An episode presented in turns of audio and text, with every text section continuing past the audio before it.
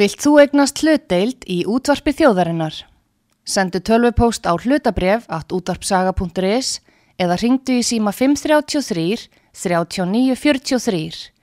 Útvarpsaga stendur vörð um tjáningafrelsið.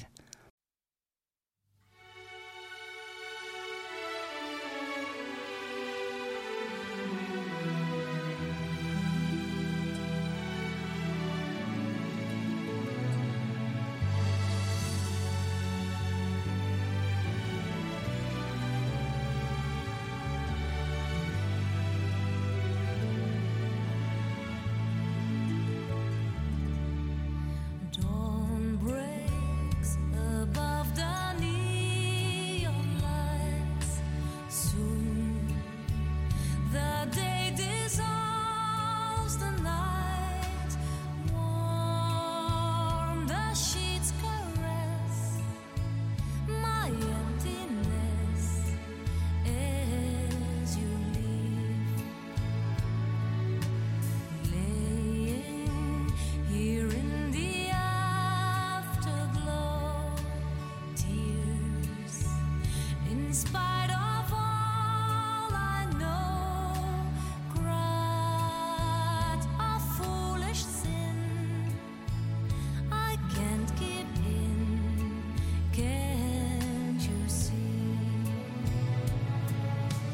Though you want to stay, you're gone before the day. I'll never say those words. How could I stay with me till the morning?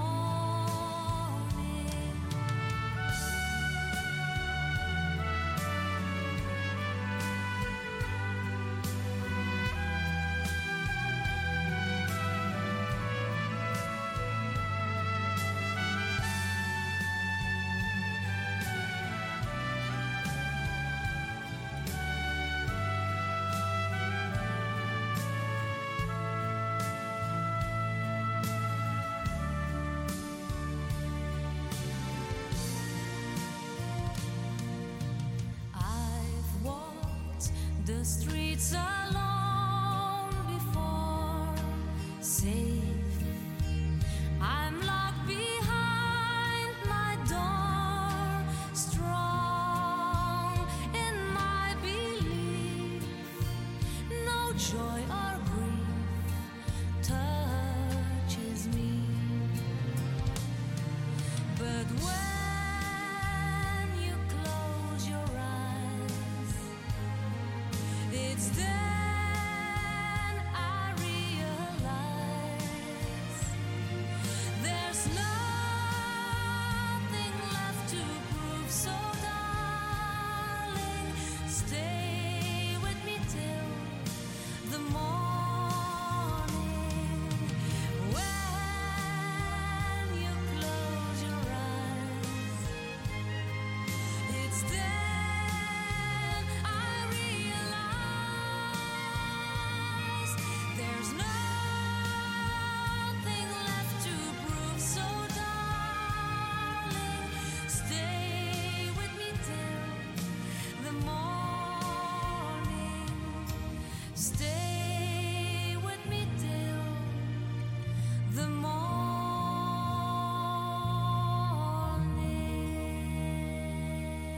morning.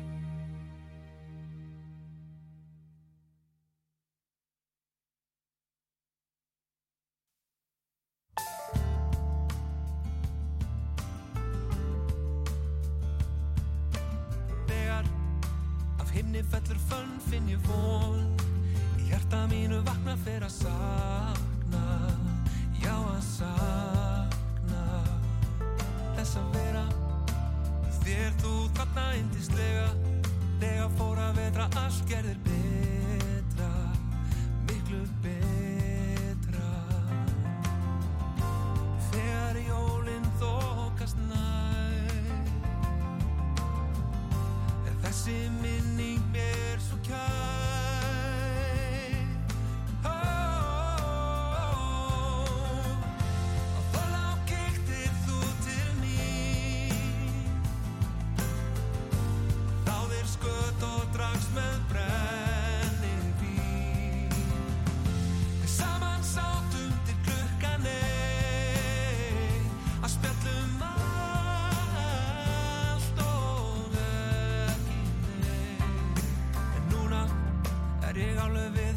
missa trúna Því ég hef ekki séð þig svo lengi Allt of lengi Ég vona að þetta verði ekki alltaf svona Ég verð að sjá þig aftur Sjá þig aftur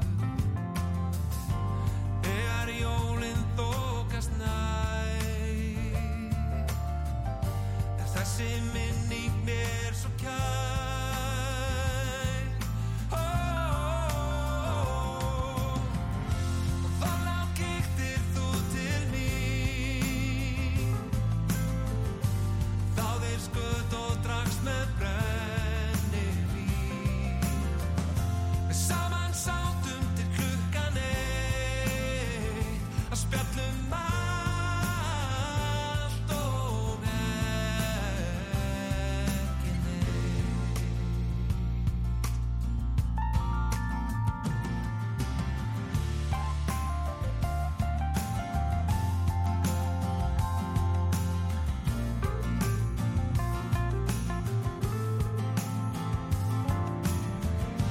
Þegar jólinn þokast nær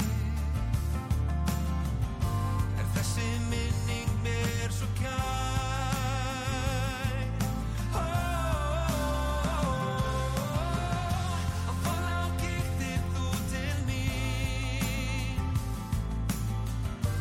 Þáðir skött og dragst með brenni vín Við saman sátum til klukkan eitt að spjallum allt og ekki neitt. Á Þorlá kíktir þú til mín. Þáðir sköt og drakkst með brennivín. Við saman sátum til klukkan eitt að spjallum allt og ekki neitt. Allt og ekki neitt. Okkur leiddist að ekki neitt.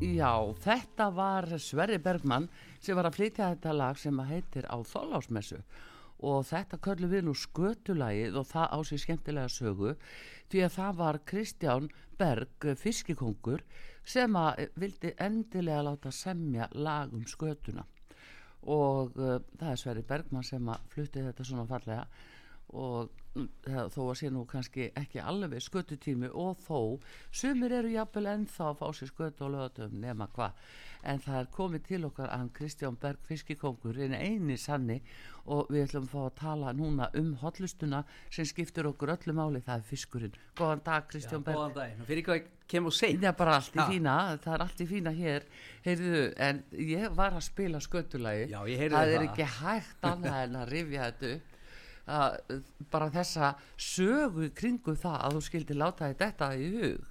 Já, það, það er skemmtileg saga að segja frá því að mér hefur alltaf langað til þess að gefa út lag Já. og jafnveg syngja, ég kann ekkert að syngja Ertu viss? Já, Þú er ekki og prófað? hérna Já, mér langar til þess að búa til svona lag um fiskin Já, Svo fór ég svona að velta fyrir mig hvað væri hægt að gera í sambandi við fiskin mm. kannski erfitt að fara að syngja eitthvað um ísu eða eitthvað en þá datt mér í huga að, hérna, að þólásmessa er svolítið stór dagur í, í, í mínum huga og, Já. og já, bara Íslendingar alla já, og skatan er náttúrulega svona matur sem að við borðum einu svona ári og, og við erum að gera svolítið mikið úr þólásmessu já, sem er rosalega gaman, Já og bara hérna- allir desemberi undir lagður. Já, akkurat og ég er ástæð fyrir því ég, eiginlega, hérna, ég kom að segja núna ég var eiginlega að skera skötu sem ég er að fara að hugsa um fyrir næsta þólásmessu Ha, Þannig að við erum byrjað að hugsa um skötuna svona snemma sko já. En ég kaupi skutun og sitt í frost og svo kæsi ég hana bara í haust ef, Já, ef flugan fer. já, já, já, Og hérna, já, og, og hugmyndi var svo að búa til einhver lag og, og Þorlósmessa kom mér náttúrulega svolítið stert í hugan, sko. Þegar þetta er náttúrulega svo skemmtilegu dagur fyrir okkur já, og mikið að gera og svolítið stemmingsdagur. já, já. Og ég hef búin að vera með þetta í maganum örgulega í 15 ár að búa Að til búa lag til um lagið. skutuna. Já, og hugmyndina fekk ég nú reynda bara frá hérna, Vestmanni, þar sem að þeir eru alltaf búið til lag með þjóðháttíð já, ymmit, og ymmit syngja alltaf um, já, um það sko. já, já, já og ég var búin að heyra það, ég veit ekki hvort það sé rétt, þá bara verður það leiðrétt en mér skildist það að- að þeir sem að syngja lægið eh, á, á þjóðatíð, að þeir Já. þurfi bara að þurfi bara að koma fram hérna herjólstagur eða þjóðatíð Já. vestmenni eitthvað í textanum já, já, og í fyrra eh, að reyndar að hitti fyrra núna að komið nýtt ár já að þá hérna, er ég að afgreða hérna, upp í, í pottabúð mm. og kemur ekki nema Sverrir Bergmann lappandi inn já, hinn eini sanni já, og hérna, ég hafði nú hitt hann okkur sinnum svona Já. áður og mér er þess að hitta hann einu svona þjóðatíð Já. en hérna ég hérna við byrjum bara að spjalla saman Mm. og, og hann var að leita sér að heitum pottu svona. við byrjum bara að spjalla saman og þetta var í april ég skaut svona á honum þetta var nú í COVID sko, það var ekkert að gera á tónlistamönnum hvort hann væri til í að, að hérna, syngja lag um skötuna Mhm. og hann sagði þetta er bara brásniðut og Já. ég, ég laði þetta svona borð fyrir hann að að þetta þyrfti náttúrulega ekki verið eitthvað, svona, eitthvað stemmingslag, eitthvað skötuna og brennivín og eitthvað svoleiðis en, en hérna við rættum þetta og við vildum hafa þetta svona jólalag já, í, í leiðinni þannig að ég Já. fekk Sverri Bergmann í lið, lið, liðs, Til liðs við til þig, liðs við- já. við mig og ég kom með svona nokkra punkta sem að ég vildi hafa svona í læginu sem mér Já. dætti í hug sko svo samti hann bara eiginlega lægið og, og, og, og flutti sko já svona líka eh, eh, frábærlega sko. Já, ég hérna sko, ég söng náttúrulega ekki lægið og, og, eða neitt en ég fæði nú oft bara tári í augunum þegar ég hlusta á lægið sko. já, og ég hlusta á lægið í fyrsta skipti þá var það í september semst ég hitti fyrir það, þá var ég í golfferð já, 23 stegi hít og klappandi í sól og ég og leiðin í golf þá senda mér lægið já, hvað segir og það var svolítið sett átt moment að- að að- að hlusta á lægið á þessum árstíma bara í, að spila golf bara og glampandi sól og hlusta Já. á svona jólalag já sem ég vil Nák- kalla það já, já, nákvæmlega sko. en þetta er, þetta er bara svona skemmtilegt og, og svona, kemur vel inn í okkar stemningu og því að, að eins og ég sagði á það þá bara er það allir desember sem er Já. svona daldið ég lítar af þessu, það er skatan og fólk er ekkert að borða skötlendilega einu sinni heldur aftur og aftur í desember og bara núna líka, er ekki bara fólk líka að fá sér skötu svona? Jú, jú, ég, við erum að selja skuttu allt árið en, Já. en hérna, við erum alltaf sko hópur ég kalla það eldri borgara því að við erum öll yfir 50 Mm. Já. og við hittumst þá á hjólusum með húsbílum einu svona ári yfir til júli og þá eldum við skuttu Já, já, já, já, þetta eru 15-20 vagnar já, Sem koma. hvað segir? og það er alltaf rosa stemming Hvar er það? Hvar, hvar og þá bara veljum við eitthvað stað sem er gott viður Já, og, og hérna til dæmis fyrir þremur og síðan þá konum bara Átni Jónsson sjálfur og já, spila gítar og söng með okkur og var það? það var alveg æðislegt Það hefur verið æðislegt, Já. En Dagurinn hérna- í dag er reyndar svolítið sérstakur Nú, í, í mínum huga. hvað er nú? Já, móðu mínu ammali, Já, hún er 70, það er stóramali. herðu til hamingi með móðina. Ég segi hérna bara um ömmu, hún er út á Spáni, ég held að sé að hlusta. Já, er það? Bara til hafa mikið með ammalið. Já, herðu, hvað heitir hún og hvað er hún á Spáni?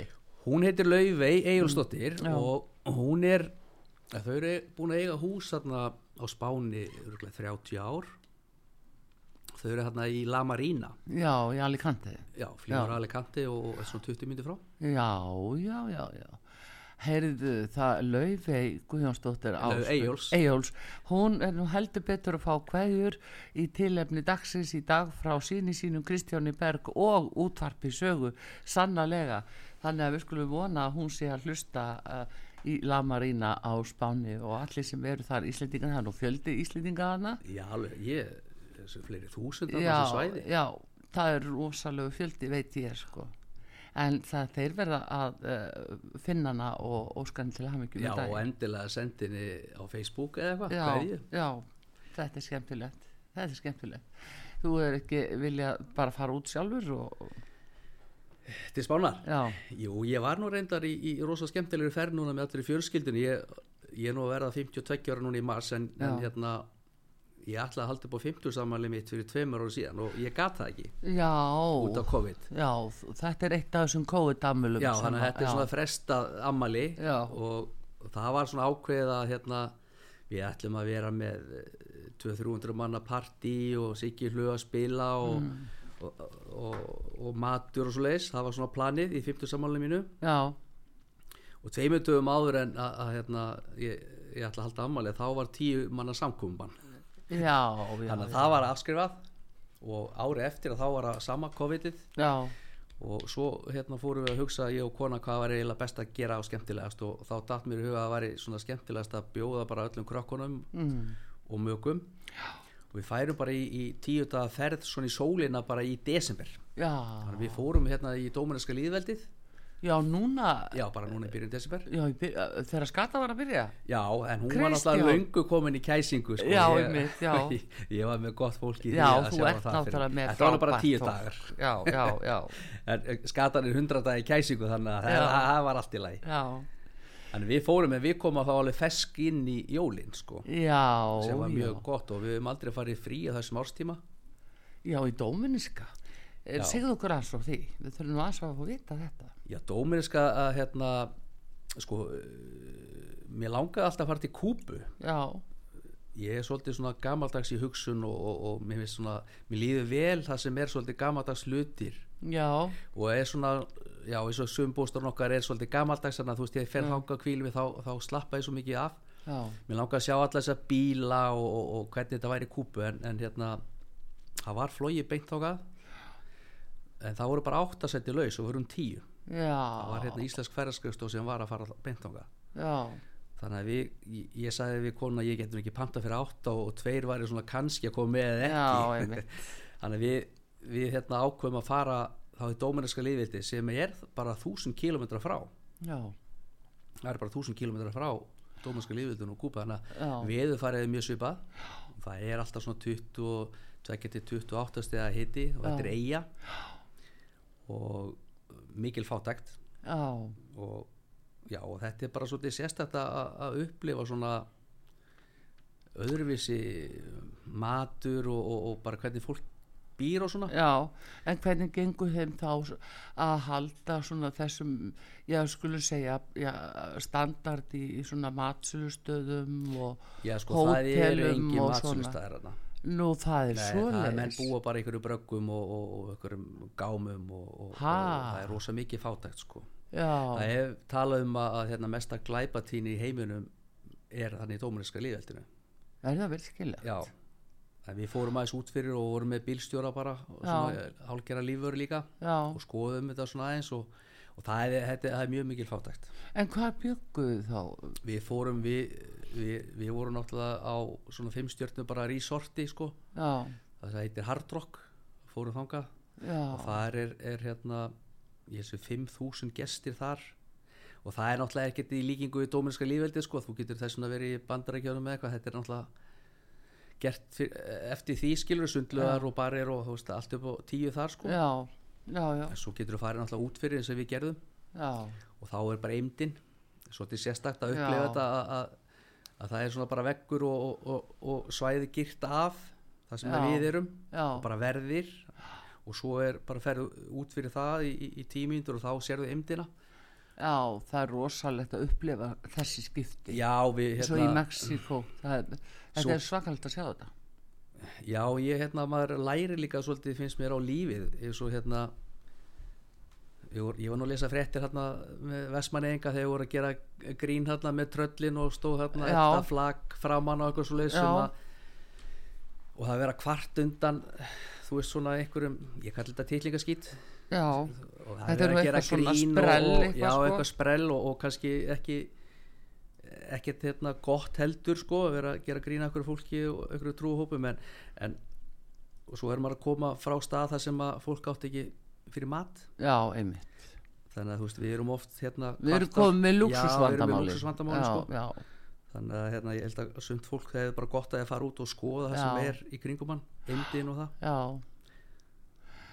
Ég hef séð svona í Tijuana í Mexíkó, það var svakalegt að sjá og börnin og göttunum, það er bara ræðilegt. Já, og hérna krakkarnir eru að koma og, og þegar við kerðum og upp að bílnum og, og með hendurnar að byggja mat sko já, frekar svona grönn að sjá og svo þannig að hérna, já, við höfum það bara mjög gott á Íslandi já, einmitt, það er nú maður læri það, eh, svolítið á lífið að að heimsækja já, svona, svona staði, og já. upplifa þetta og sjá hvað við höfum það gott já, já en þetta hefur verið en elduðu þið þá sjálf eða Nei, við ekki á hótelin en, en, Nei. en við fórum alltaf hann aðeins og, og kíktum bara á þetta og, já, og maður þóri svo sem ekki að borða mikið á svona stöðum þetta er nú ekkert hérna vola beisni staði sem að hefur verið að selja mat þarna allar í Dómaraska já, en maður fá bara ekki í magan og, og já koma veikur já, eða ekki fríið sitt já, akkurat, það er nú það en sem við saminumst þarna fjölskyldan og ég, ég segi þetta sé besta frí sem ég fari í já, læra að kynnast hérna tengda dætrónum og svona já, já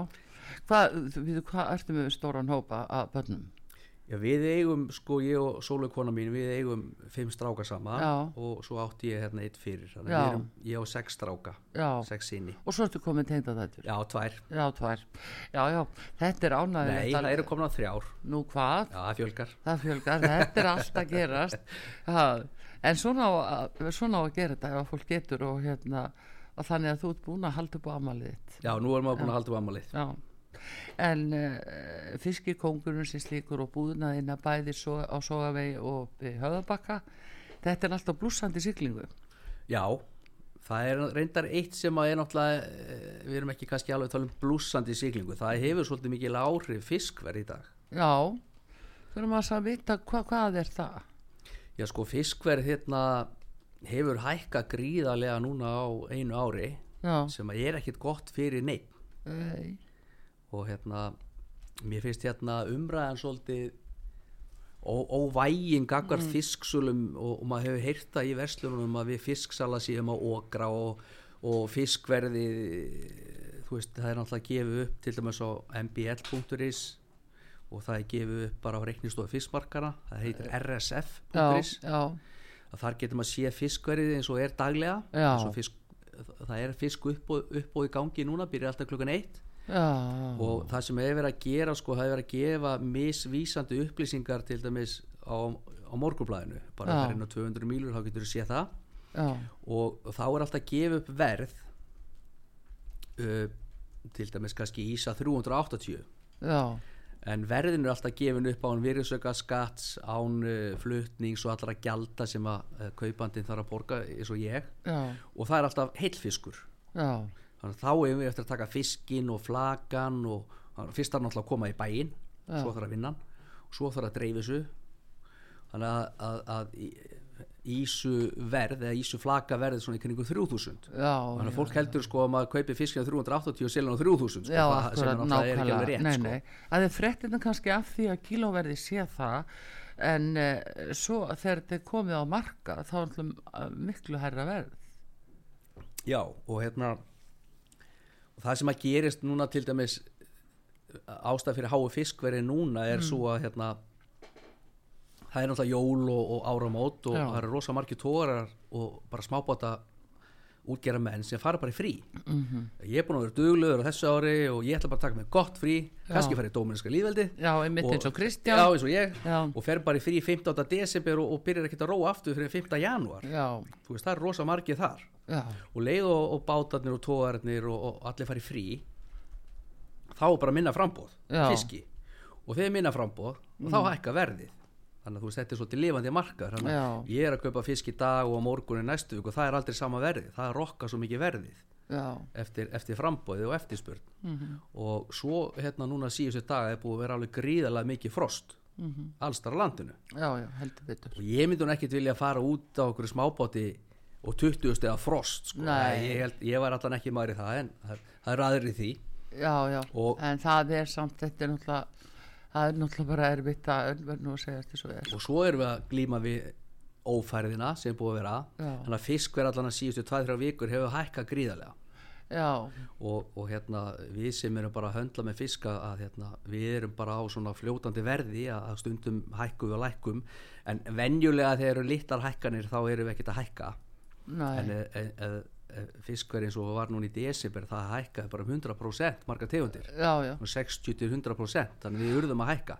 já og þannig að sko þegar við erum að tala um að, að fisksalar sé að selja fisk eitthvað dýrt þá er það því við þurfum að því að sko kaupendur og, og viðskiptavinni þeir eru ekkit vitlausir nei, nei, þegar þeir koma inn sko og sjá að sé hátt verð já, að þá náttúrulega bara leitar að, að því sem er ódýrar það, man, það gera það allir sko akkurat en við erum ekkert að selja sko að því ef, ef við sem er ofhátt verða þá kannski missum við viðskiptavinnina okkar og við erum ekkert að stefna að því sko við erum Já. alltaf að reyna að stefna að því að fá sem flesta viðskiptavinn og halda þeim góðum já, en, en, en fiskur er, er lifandi vara og þetta og það breytist uh, upp og niður verði á markanum en við reynum að halda jöfnu verði til viðskiptavinn okkar já, já en þetta er náttúrulega líka rosalt mála það er líka að taka ákvörðunum hvað á að panta mikið hverju sinni því að eh, fiskurinn auðvitað þóli svo illa að, að, ge- að líka án þess að bara að sé bara borðaður Já, já, og svo er það líka það, sko, hvað á maður að kaupa mikið inn á Já, þessu verði, lækka já. Ah, verði líka á morgun að hækka akkurat, já, og hérna, já, og,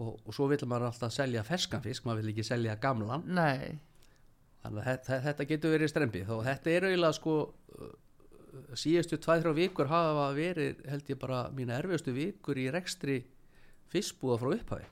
er það virkilega Já, út af frostinu, út af Já. veðrinu, út af frambúðinu og, og Já. því, sko, þannig að en þetta horfir nú til betri vegar. Já. Það er, það er bjart framönda núna, vertíðin er í fullum gangi og, og, og margir eru farin út á sjó, já, en, frambúið aukast og svona. já, en það er náttúrulega líka sko, nú er fólk auðvitað svo meðvitað um heilsufarið og það er svo meðvitað hvað það getur gert til þess að bæði að ná að sér auka kílóu núna eftir jólin og, og það að, að borða líka holt og borða fisk það Já, er já. nú fátt betra sko Já, ég, ég, ef ég segi svona fyrir mig að þá, þá er maður í, í byrjun desember svona, þá er maður að hugsa um að fá sér, eins og við erum alltaf með önd í matinn, já, svo er maður með svona brúna þungasósu og maður hugsa svolítið mikið um þungamat, svona, mann hlakkar til þess að að borða þetta um jólin. já, já, reyktan eh, lax og, og, og hangikjöt og laufabrauð og allt þetta sem Já, maður já. búfar í sig sem er bara mjög gott já og svo kemur að hérna,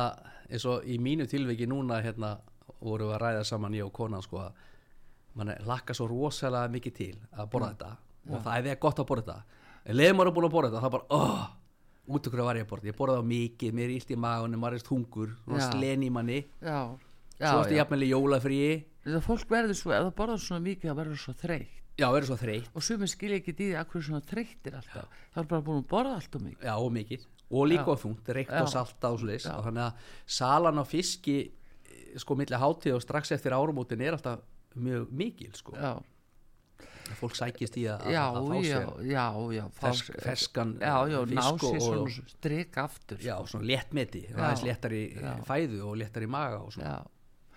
En svo er líka tilfellið bara að hotlustan uh, við fiskinn er, er náttúrulega óvífengileg, það er bara er þannig. Og sko hvað fólki líður vel eða borðar m- mikið fisk. Já, ég er sammála því. Og okkar stæðsti viðskipta hópur í aldri er eiginlega 50-60 ára pluss. Já, mér finnst eins og fólk svona þegar eldist að þá fáið að viti sko hvað á að borða já og þá er bara að sjá sko, muni. já, og, sjá, og finnur líð, hvernig þið líður betur og svona Já, það er nú málið. En þetta er, þetta er nefnilega heilmikið kúnsta að eh, bara fólk eh, svona rati þennan meðalveg, sko. Hvar, hvað hendar hverju? hvað er balansinn, Já, þetta er allt gott í, í, í, í hérna balans sko, Já. kjöt og fiskur þetta þarf alltaf að blanda já, starrið já, já, saman sko já, heldur betur en það er svo náttúrulega líka nöðsilegt eins og að fólk gera að gera sér glaðan dag og, og vil svona líka fá sér góða kökur, hún ekki gleyma kökunum nei, nei, það er náttúrulega bara dásamlegt sko. Og hvað er við- uppáhaldskaka þín það eru svo margar ég hef sagt þér af að ég bara elska íslenska bakara Já. að því þeir eru með svo fínt það er svo flott hjá þeim inn í, sko, inn í bakarjónum já, inn í bakkarjón og þá bara er úrvalið á og sko, fyrstu hæð, annar hæð og þriðu hæð það, er, bara, það er rosalegt ert þú að smak, hérna, baka smákukur? nei, ég, ég fer bara til bakarans og, og Já. vesla það En, en mamma þín, bakaði hún já. smákukur? já, já, það var alltaf sá tími að það var ekkit bakari sem bauð upp á neina smákukur þannig að- að konu hér á árum áður og áratugum áður þær urða að búta til sjálfur já, já. þess vegna eigum við marga góða fyrirmyndir og góða matrislubækur eins og eftir Helgu Sigurðardóttur og margar af þessum konu sem hafa verið húsmar að skóla og svona þær vita þetta allt. þær kunna þetta. þær kunna þetta Já, já. þetta eru nefnilega hetjurnar þessa konur já, já, mamma er hetja mín, hún Já, kann þetta veistu, það eru svona konu sem að nefnilega þarf að draga fram í dagstjálsið Já. sem að unnu vinnuna og heimilisvinnun og heimilisverkin hugsaðir flökuðu jafnvel fiskinn og, og hökkuðu og svona að þú veist að búi til bollur og allt þetta Kjarn okkur konur Já, kjarn- allt þetta sem þú ert að gera Ég man þegar ég var alveg upp og þá var mamma að baka alltaf, Já, smákukur Já, og ég held hann að það er bakað 12-15 sortir eitthvað svo þess mm. svo komaður heim úr skólanum fyrsta sem maður gerði maður fór inn í þvottás mm. nú er íbúður í dag það er alltaf þvottás eða svona gemsla, svona búr já, kallaði búr, já ekki Já, þvottás, það er já. alltaf þvottás, bara búr hérna já, og þá var alltaf svona makitursdósir og alls konar dósir sem voru skreittar -hmm. sem var settið sko mismöndi sortir í já og besta sem ég gerði þegar ég kom heim úr skólanum að það var að ná mér í, í, í, í svona disk Já, fara inn í, í búr já, og taka eina eða tvær smákökur af hverri sort Já. maður var svona góðan disk já svo fór maður inn í eldús og fekk sér ískalda mjólk, ný mjólk, það verið að vera ný mjólk Já, veimitt, og svo ísköld ísköld Já. og þetta borðaði maður Já, já, þetta var alveg geggja Þetta er svo vinsælt, Já. ég þekki það sko, svona klugan 12 á kvöldinu. Svona. Já, og, Yes. hérna, og ég lifi alveg minningunum við þetta mér finnst þetta rosalega gaman og svo var hann að baka sort sko, sem að hétt hálmóni já, já, þá var hann með svona glas sem á stakkun í degið já, og ég var ofta að hjálpa henni að baka sko, þá sett hún hérna eina teskiða sultu í það, rammabrasultu já, sem hún fekk röglega frá ömmu sinni að gerði sjálf svo lokaði hún svo og lokaði sér með gafli það var svona rendur Mm. í já, einmitt, einmitt. og mér fannst þær kökur alltaf besta svona í mars-april eða glimtist eitthvað bóksi eða eitthvað og það var svona svolítið s- seikt sko Já, það eru búin að marinerast já. svona mikið inn í Já, degi. mér fannst það svona bestu já, kökurna sko Já, svo var hann að baka lofkökur og vanilukökur og súkulæbitakökur gýðingakökur og já, allt ég, þetta. þetta já, var já. allt þetta Þetta er alveg, en það var stórkostlegt hvernig húsmaður uh, voru sérstaklega auðvitað eigum við fullt af flottum húsmaðurum í dag sem er að gera fullt af hlutum. já, já, en, en bara sú að tíðin að konur átt ekki kost á öðru, þá hafði enga valkost, enga valkost. nei, nei. eins og núna að, að mér finnst bara bakararnir vera konum með svo mikið úrval af flottu, góðu að þeir bara gera þetta svo vel það er sama hver er borið niður Já. að það bara, það er dásalegt að fara þar inn þetta er, þetta er svakalegt en, en þannig að þetta er gott með við þurfum að gera ráð fyrir þessu já, öllu og svo var alltaf kvöldkaffi Já. hálf tíu, þá var alltaf kvöldkaffi það er alveg dóttir upp fyrir núna Ég held það, ég held það sé verið að- að leggja ásláð höfu fólk að vera bara yfir höfu ekki að borða á kvöldin já, Nei, ég, nema hérna, þeir sem stela svona í kökurnar með kaldri mjólk sko. já við borðum alltaf líka meiri fisk svona í kvöldmat og, og, Já. og, já, og ég man alltaf eftir því ég var alltaf upp hvort sem ég var í sveit, ég var í sveit í mörg ár Mm. og líka heima, það var alltaf kvöldkaffi þá var alltaf sest niður klukkan hálf tíu og seti í svona 20 minnir hálftíma Já. og bara kjafta um daginn að veginn og um allt og ekki Já, neitt já. aðal ekki neitt Já, já, en þetta var nú samfélagið á, á sínum tíma, það var, það var náttúrulega, bara, sko, það var náttúrulega morgunmatur og, og svo hátegismatur og með, og, og, já, og með graut já, já, það er tvýr þetta Það er tvírétta, sko. Tvírétta. Og svo kom uh, sko síðdeis kaffi og það var bara bakkelsi, kleinur og, Já, já. og kannelsingir og allt. Og svo, eins og þú segir, kvöldmatur og kvöldkaffi. Já, kvöldkaffi Já, og svo náttúrulega hérna ef maður fyrir að reyða upp gamla tíma sko, þá eins og heimsóknir Mm.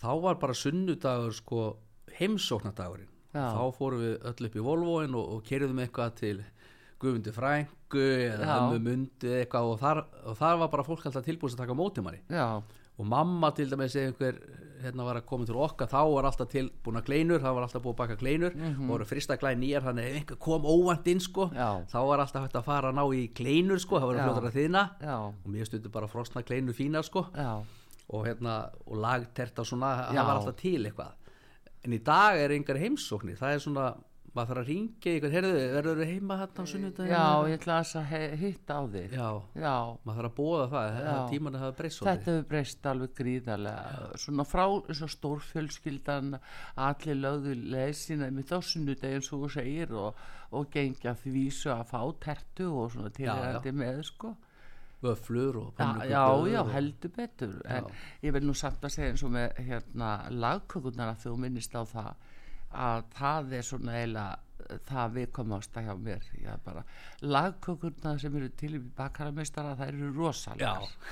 það eru bara rosalegar og það er ekkit Ég betra ætla að meina þess að lagkökuna sem er með sultun á milli Já. Þess að hvítu þá er- hvítu og brúnu Já, báðar brúnu. Já, mér er skvíta betri já, Það er alltaf upp á borðinu í henni já, já, bakarameistarunum já, það er bara það er nöðsilegt að gefa þessu með þessu og því að þetta er nefnilega sko gengur allan sólaringina og Já, og þarft á því minni að mann á halda gamla Hmm. tíma já, og ekki slæmt til dæmis að setja þetta rjóm út á Nei, En já, ég hef nú ekki borðað með Nei, rjóma það, já, það skaltu prófa og með kakó og kakói þannig að koni, það er Já, snerting. ég hef nú prófað það. já, en svo er annað sem að þau nú að tala um mat að hérna um, í sambandi við fiskibólur og, og þú, þú ert nú að selja uh, núna Já. og alltaf að selja fiskibólur Alltaf að segja bólur og mér er svona, svona ömmu heimilislega bollur og veistu hvað, ég þekki að maður gert í, í, í minni, mínu ungdæmi eins og maður segir, það var tekin afgangur af fiskibólum Já, og það var smurt rúpur eða sko rúpur með smjöri og snittar, snittar fiskibólur já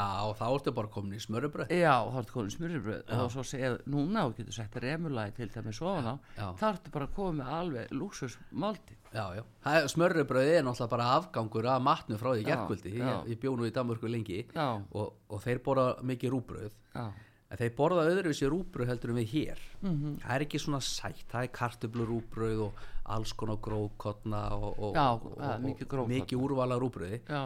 Ég tók einhvern tímann og taldi rúbröðstegundina, ég fór í svona súpermarka, já, ég held ég að te- talið upp ta- 30 tegundir sko, af rúbröði. já En engin rúbröð eins og við erum að selja hér, það var ekki svona sætt. Við erum svolítið að borða mikið of sætu rúbröði. já, Það vantar svolítið meira hérna, úrvala af, af góður rúbröð á Íslandi. Þið heyrið það hérna bakara sem Já, eru að en hlusta. samt þeir eru nú komni með sko Þetta er aðeins að danstrúbröð, þróast, já, já. já, þeir eru sumi með danstrúbröð alveg svakalega En það er, gott. er náttúrulega sko eins og svo hérna var ég náttúrulega að vinna í Danmörku og, og, og þar er smörubröðið og þar er, er voru kjötbólur og þá var það sneitt niður ón á rúbröðið, Já. afgangurinn Já, og, og rósbíf og, og, Já. og hvað sem er og fiskefile, það, það er náttúrulega rauðspettan Já, sýta, svo er einmólaðið smá salatblað og kannski tómatsneið og veistu þegar þú segir eh, rauðspretta að fólk á ekki rauðsprettu þá tekur það sko bara svona fisk laukísu eða semst raspísu Já, og, og setur hana on á rúbröð já, og það er bara dásend já, við notum það hérna heima hjá okkur, þá erum við oft með hambúrgara, Já. bara fiskiborgara Já, þá steikjum við bara, sko, bara fiskiraspi mm. og setjum á milli bara í hambúrgara já, og, og gerum allt eins og við erum bara með kjöt en bara notum fisk í stæðin já og, og, og ég sko, og hambúrgur og sósu og, ég bara Já, allt, já, já. tómat og salat og allt það mér finnst þetta ekki síðra sko, betra eh, sko, ég ætla ekki það að hlutra þér en mér finnst oft fiskiborgarinn betri heldur en hambúrgari sko. já, uppáhaldsmaturum minn er hambúrgari sko. já Að góður hambúrgari Já. finnst mér vera það er eiginlega mitt favorit sko. já Þannig Já, að fiskiborgari hann, hann hann er, hann jafnar þetta já, já, Mhm. góður ég- fiskiborgari er alveg jafn góður og góður hambúrgari að mínum að því, já þegar þú segir það, maður þarf nú að hugsa þetta svolítið steiktu fiskur bara hambúrgari, stektu fiskur, nefnilega, hann er, svo, Steiktur fiskur. hann er líka svo góð kaldur já og svo þegar hérna, hérna nóg að lauk ég er náttúrulega með stórt heimili og, og konan eldar nú í 95 eh, 98 brúst mm. í hjálpunni einstaka sinnum Mm. og þá hérna er hún með kannski steiki kannski 20-30 hambúrgara Já. við náttúrulega náum aldrei að klára þetta á einni kvöldstund sko en Nei. þannig að hún pakkar þessu inn hún býr til hambúrgaran í álpapir já, og þá er kannski 10-15 eftir og þá tekum maður með sér í nesti sko já strákarnir taka með sér í skólan og, og, Já, og hérna, já, já, já. svona týnir sér út þannig að Já. við, við, við borðum eins og ég borða þegar hátinn daginn eftir þá er yfirlt bara tekið nesti að, að heima sko. já, akkurat, já, já það er, það það, er líka sparnaður, við Já. erum að tala um líka spara núna, Já. það er smá kreppa já, já, að þá það kostar alveg jafn mikið að elda 1 kíló eins og 2 kíló sko. Já, það er alveg rétt. og fyrirhöfnin að- að að elda það breytir yngum mál og þú steikir eina eða tvær pönnur í viðbót víst, þú ert að steikja sko. Já, það er einmitt, ég ætla að það tökum fiskibólunar og, og fiskvarsins sem þú ert með. já, Að ef að fólk er að, að búi til fiskibólur sjálft, sko, að þá bara og s- frysta og setja í póka og eh, ákveðna svona skamta og ekki málið. já, já og við sko hérna, talandum að frista þá erum við að framlega bollur hjá okkur í fyrstbúinu hjá okkur og við erum að framlega svona 1,5 tonn á viku að bollum Já, það sem við erum að, að selja frá okkur það er svona rosa mikið magn já, en við tökum alla bollunar og, og hérna, steikjum á pönnu já, allt handgert, það er enga vélar en eitt sem koma nála þessu nei, svo hérna er ég með svona hraðkælir það sem ég, ég steiki bara kannski 100 kilo í einu ég steiki bara svona pinna í svona hitamælir -hmm. og rúla þessu inn í svona hraðkæli sem að kallast sem er svona aðeins stærri nýskapur já, og, og þar stilli ég bara á hérna hitastíði sem ég vil fá bólunar í og og það er 0 gráður hjá okkur -hmm.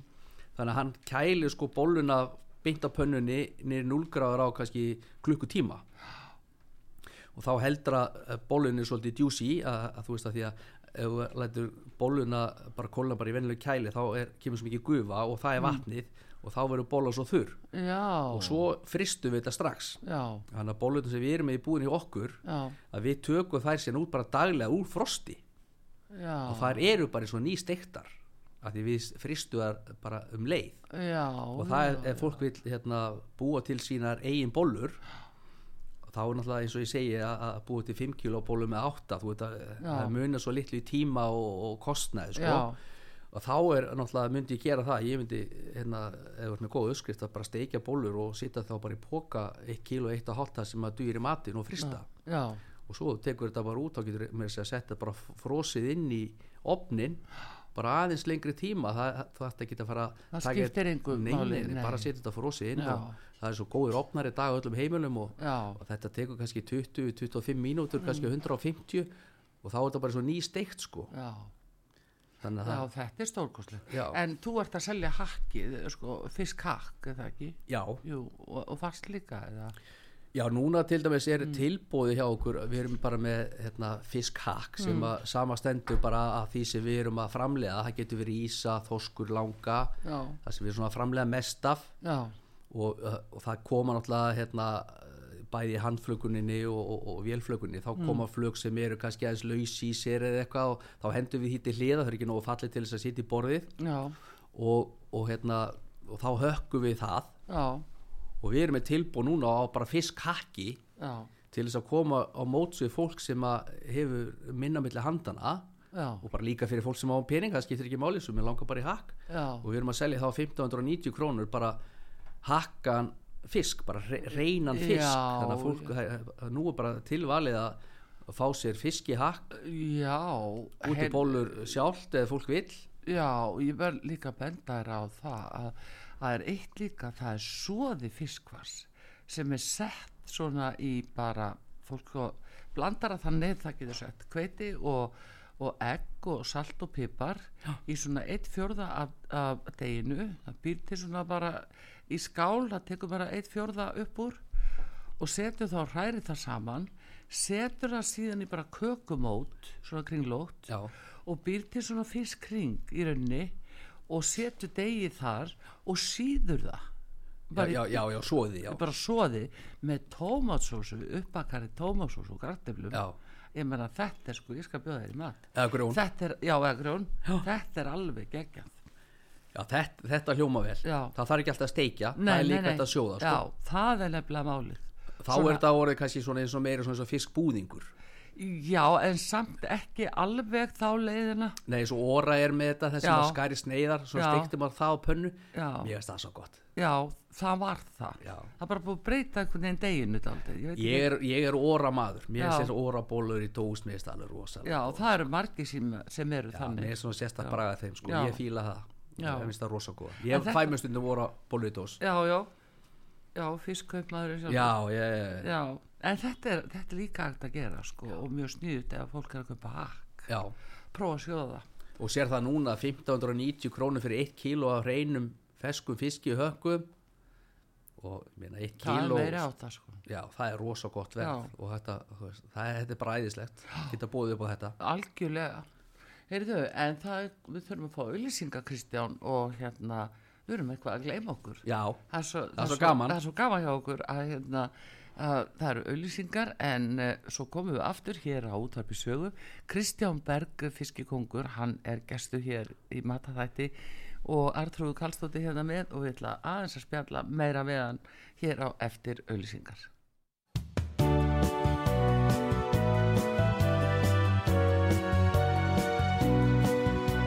Síðdeðis útvarpið á útvarpi sögu í umsjón Arnþrúðar Karlsdóttur.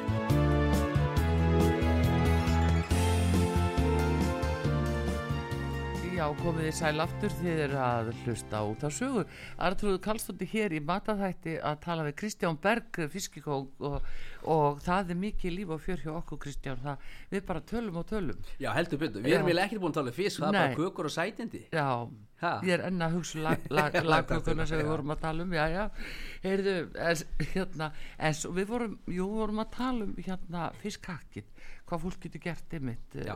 uppbýr til bollur og svo líka þessa fiskringi svona sem það síður í potti með uppakkaði tómasósu sem Já. er eða karrísósu og rísgrunum það er óhemmi gott já, eða súrsæta, Já, svo það já, það er svona eitthvað nýtt já en hérna m- núna eh, er eitthvað erfitt eins og að fá í sig að hvart að selja mest af núna hvernig, já, núna er ekkert, sko, nú er ekkert erfitt að fá fisk í dag akkurat í dag Nei. Eh, og síðustu tóta hefur bara fínt og það er bara bjart, bjart framöndan já og hrognin og livrin voru að koma Eh, það þetta er það, ég bara já. heyrði það hér í öllusingu byttið Rognulifu, já heyrðu viltu segja okkur aðeins allt um það það er engin spurning hvað verður farið Já, í það er núna vertíðinu alltaf byrjuð og, Já. og, og, og, og flesti svona smábátar eru farnir út á sjó og, Já. og, og það eru alltaf komin bara mjög góð hrogn í fiskin Mhm. -hmm. og við erum í sambandi við hérna til dæmis slæginga þjónustuna á Rifi og Ólasvík já, og þeir eru að slæja alla fisk sem kemur á landi fyrir fiskvinnslunar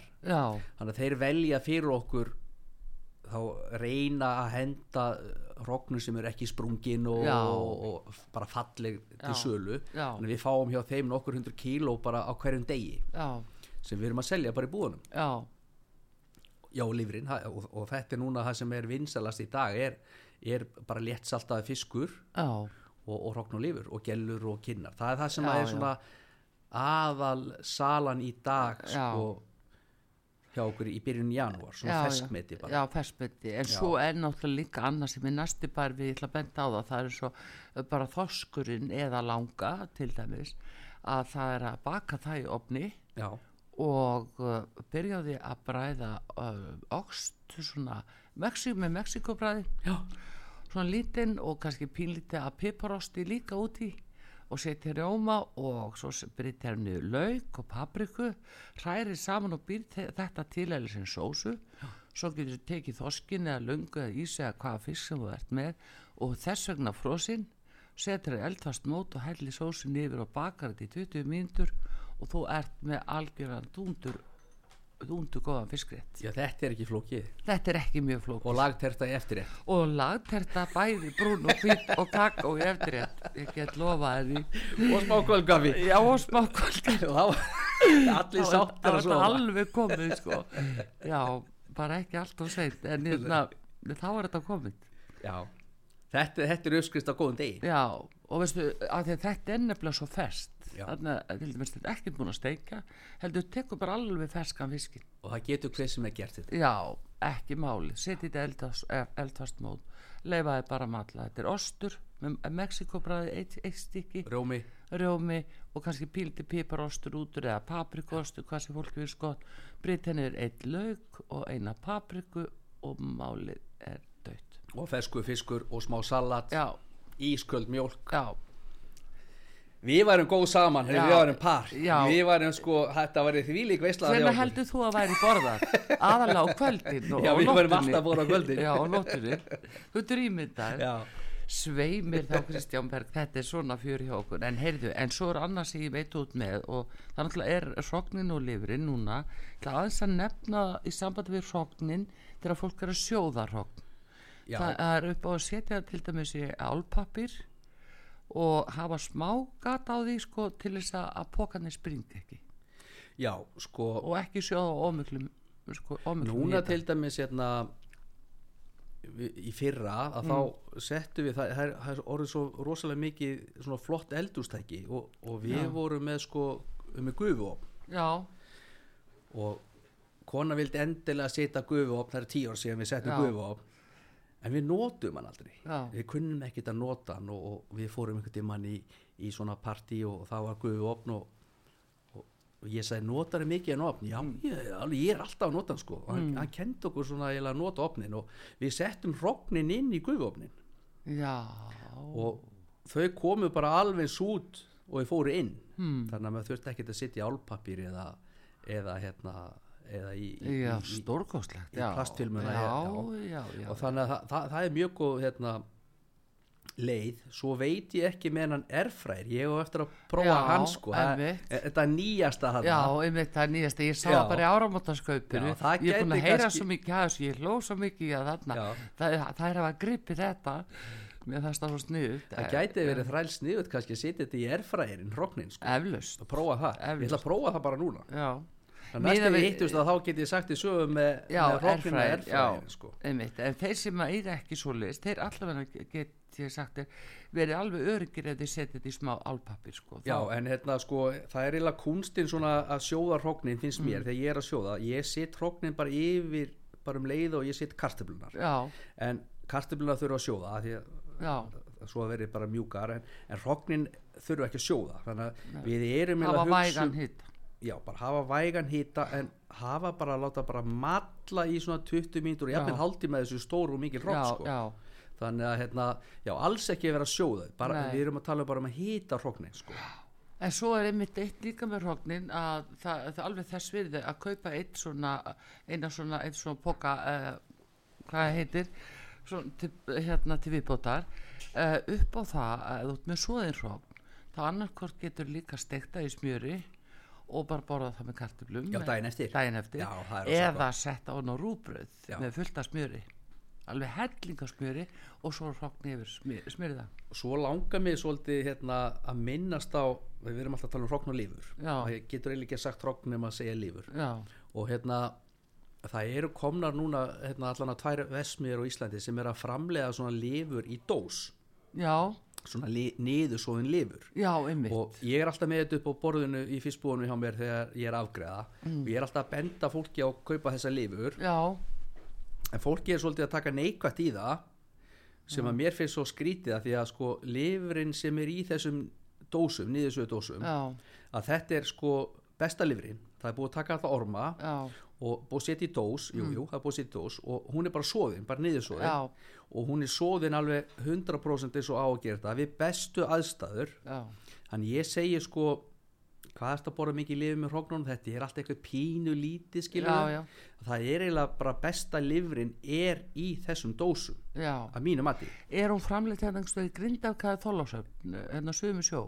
já það er ein vesmiða sem heitir Icon Já, og hún er hérna held ég ef ég fer mér rétt mál í sandkerði já, gæti verið. og, og svo er hérna er ein sem að er á Akranesi Já, já, já, já. og þessi sko lifur finnst mér vera best af því að Já. hún er svoðun við réttar aðstæður í, í nákvæmlega eins og á að sjóða lifur Já. sett smá olí en það stendur á hérna dósinni reykt en Já. það er ekkert reykt bara að þessu það Nei. er bara eins og sé labba fram hjá reykopnunum Já, akkurat, já, veistu, ég hef smakkað svo þetta, þe- rosalega. þetta er rosa gott Já. og hérna, þá segir fólk oft við mig ég vil bara fá þetta heitt, ok þá getur bara soðið hróknin og Mm. bara tveim mínútum áður en þú ert hérna, allar að taka þetta upp úr pottunum Já. þá tekur þú dósina og setur hana bara út í vatnið, heitt vatnið Já. og þá hittnar lifurinn og svo opnar hana og þá ertu komið heita lifur soðuna Já, já, já. þannig ég mæli með þessu og eða áttu afgang að þá hérna getur sett hún rúbröði Já, já, já, og þetta heldur er rosa betur, gott já. þannig ég hérna Og sko- því lík hotlusta. Já, og lifrin er nefnilega svo viðkvæm að þetta er innmatur og það er mjög erfitt fyrir okkur fisksala að vera að selja ferska lifur, af því að Já. hún verður stundu svona drulla og við Já. erum að velja úr þessu, það, fólk Já. vil ekki sjá orma og maður skilur það alveg, Já. en ég menn það er ormur oft í lifur, en hún er alltaf í himninu bara utan á, Já, en, en í þessum dósa a- a- Mm. Mm. mat, í lifur í dós, að þá er búið að fjarlægi allt saman og, og, og þetta er, þetta er að besta sko besta lifrið sem þú færð Já. er úr þessu dósum, ég fullir það já, og ég er búin að vera að presentera þetta núna við fólki í svona tíu ár Mm. og það stundu láfið að fólk bara hendi í mig dósinni eða eða eitthvað bara rauk út sko Já. en það er, það, þetta er að sigrast þetta er að Já, sigrast já. þannig að við erum að selja fleiri þúsundir á svona dósum já, fólk er fara að minka núna að taka lifrina sem að er fersk Já. og kaupi frekar eina dós sko akkurat, já, það er gott þú bendir á þetta. já ég held að fólk ætti bara að Þetta er- prófa Þetta er og, líka íslensk framleysla Íslensk Og framleiðsla. svo mikilvægt að ha- núna út að, út að genginu Það er svo mikilvægt að við séum að kaupa íslensk, já, já, íslenska framleysla íslenska framherslu Já. og líka ef fólk vil fá góða bræðgóða lifur þá mæli ég með þessu Já, þetta er það sem að, er svona mitt innlegg í, í, í lifuramálin já Með hrognunum Með hrognunum, sko. Og ísinu Já. Og, og þegar, já, glæsileg Erðu, En svo þarf ég að fá að vita áttu góðan saltisk og síðinfisk Þetta Já, er bara ég alveg fara- stóra Þetta er bara lífsbjörnsmál Að já, fá að það, vita er, þetta sko, það er orðið mjög erfitt að fá uh, síin fisk í dag eftir Já. að hérna, fiskistofa fór á svona ég bara fór nýra á höfn og sá bátana og tóðarana og það sem að fiskurinn Mm. hekk á, á hérna Já, og var að síga já, og, og, og spurði hérna sjómenn hvort það væri með leiði fyrir þessu og væri með kvóta og jari jari skilur Já. þannig að það er mjög erfitt en við, við hefum verið að hérna, fá síðan fisk núna við höfum verið að fá að núna beint frá Ísafyrði Já, og já. það er sjósíðin fiskur þetta vona að fiskistofa sé ekki að hlusta já, og taka bátana þar Já. en við erum búin að fá sjósíðin fisk já alveg rosalega góða hann er bestur, Já, Kristján hann er bestur. hann er bestur og Já. einmitt að vestan er svolítið dálítið harður já ég vil ekki hafa hann harðan no.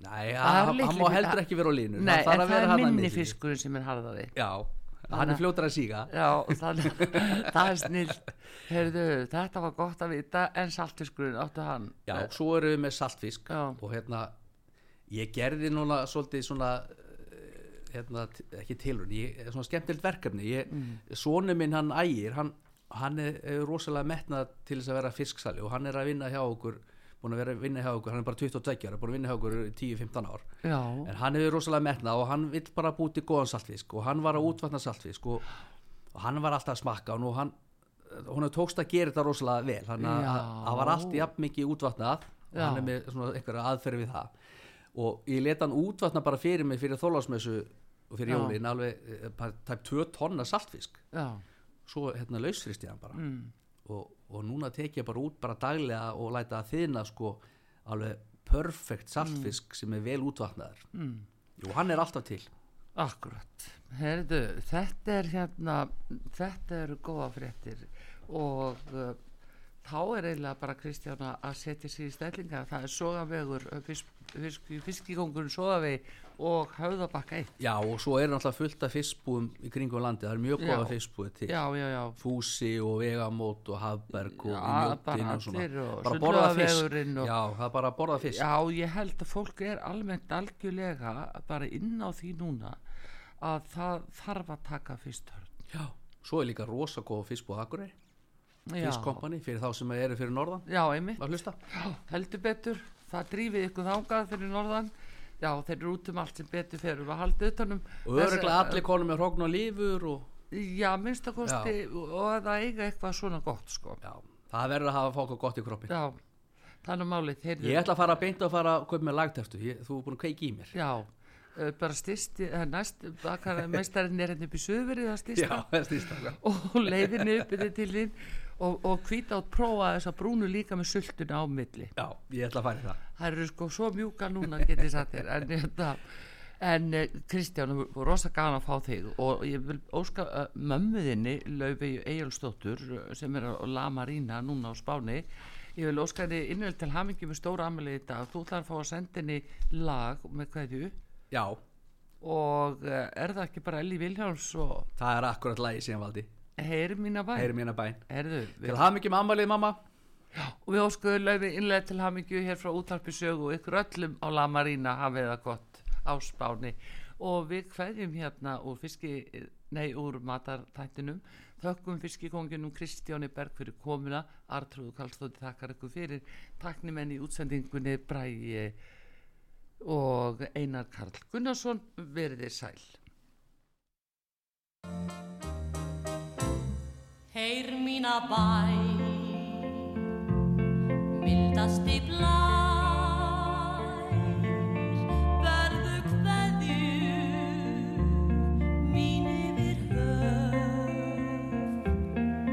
Syngdu honum Saknaðar ljóð Vanga hans blíð Vermið þú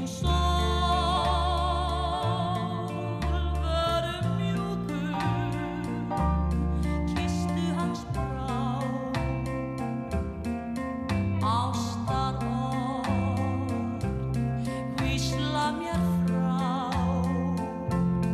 Syngiði fuglar ykkar fegursta ljóðaval Flytjið honum í indælum óði Ástaljóð mitt, heyr mína bæn